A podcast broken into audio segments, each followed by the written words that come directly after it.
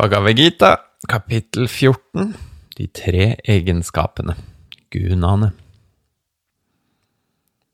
Krishna sa, Jeg skal videre fortelle deg om den høyeste kunnskap, den ypperste av all kunnskap. Ved å erkjenne denne har alle vismenn nådd den høyeste fullkommenhet. Ved å tilegne seg denne kunnskapen vil man bli ett med meg og man vil unnslippe gjenfødsel selv når verden blir til, og man vil heller ikke berøres når verden går under. Det store Brahman er min livmor, og i den planter jeg kimen. Alle skapninger har sitt opphav i den, Arjuna. Det store Brahman er livmoren for formene som blir til i alle livmorer, Arjuna. Jeg er faren som sår frø. Satva, rajas og tamas er de tre egenskapene, gunastene, skapt av materien, prakriti. De binder det bestandige selvet som er inkarnert i kroppen. Satva er lysende og sunt fordi det er uten urenhet. Det binder selvet gjennom tilknytning til glede og kunnskap, Arjuna. Vit at rajas består av begjær som er skapt av tørst og tilknytning. Det binder det inkarnerte selvet gjennom tilknytning til handling, karma, Arjuna. Vit at Tamas er født av uvitenhet og forblinder alle inkarnerte skapninger. Det binder det inkarnerte selvet gjennom forvirring, slapphet og søvn, Arjuna. Satva skaper binding til glede, rajas til handling og tamas som tildekker kunnskapen.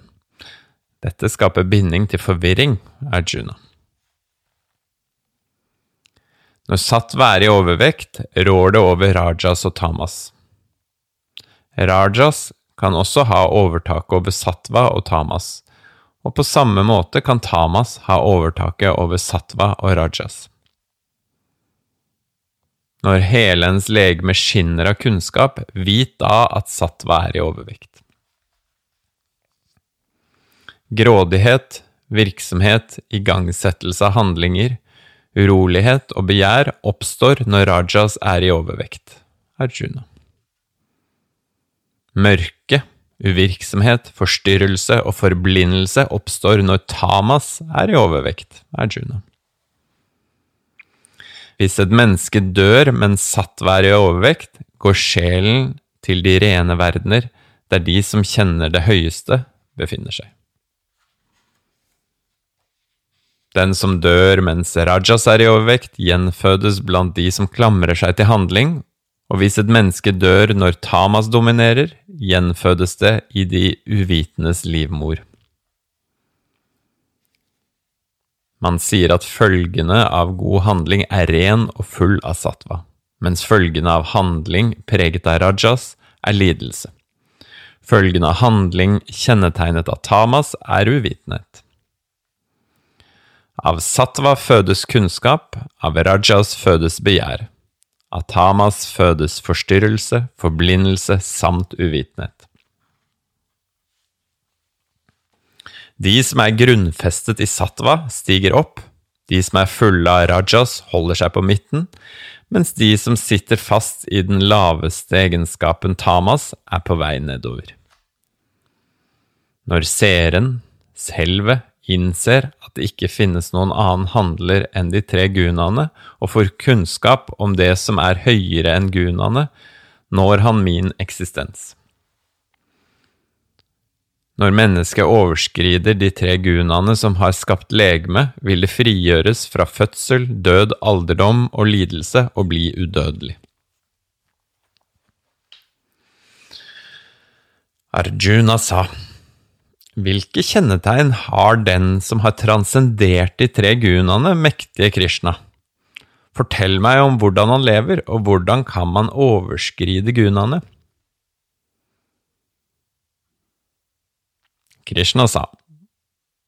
Han verken liker eller misliker tilstedeværelsen eller fraværet av den lysende sattva, den virksomme rajas eller den forblindende tamas, Arjuna.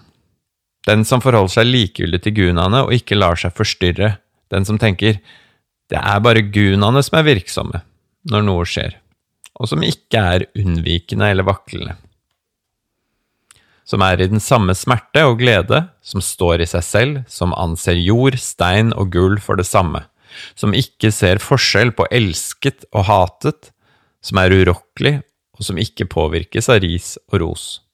For hvem ry og vanry er likestilte, som ikke gir støtte til verken venn eller fiende, som oppgir all igangsettelse, det er et slikt menneske som sies å transcendere gunaene.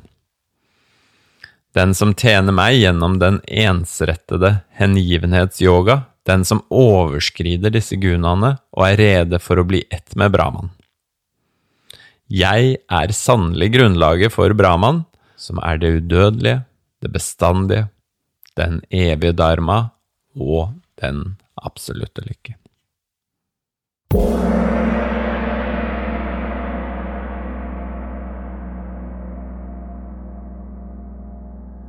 Bhagavad Gita er oversatt av Lars Christian Ims. Takk for det.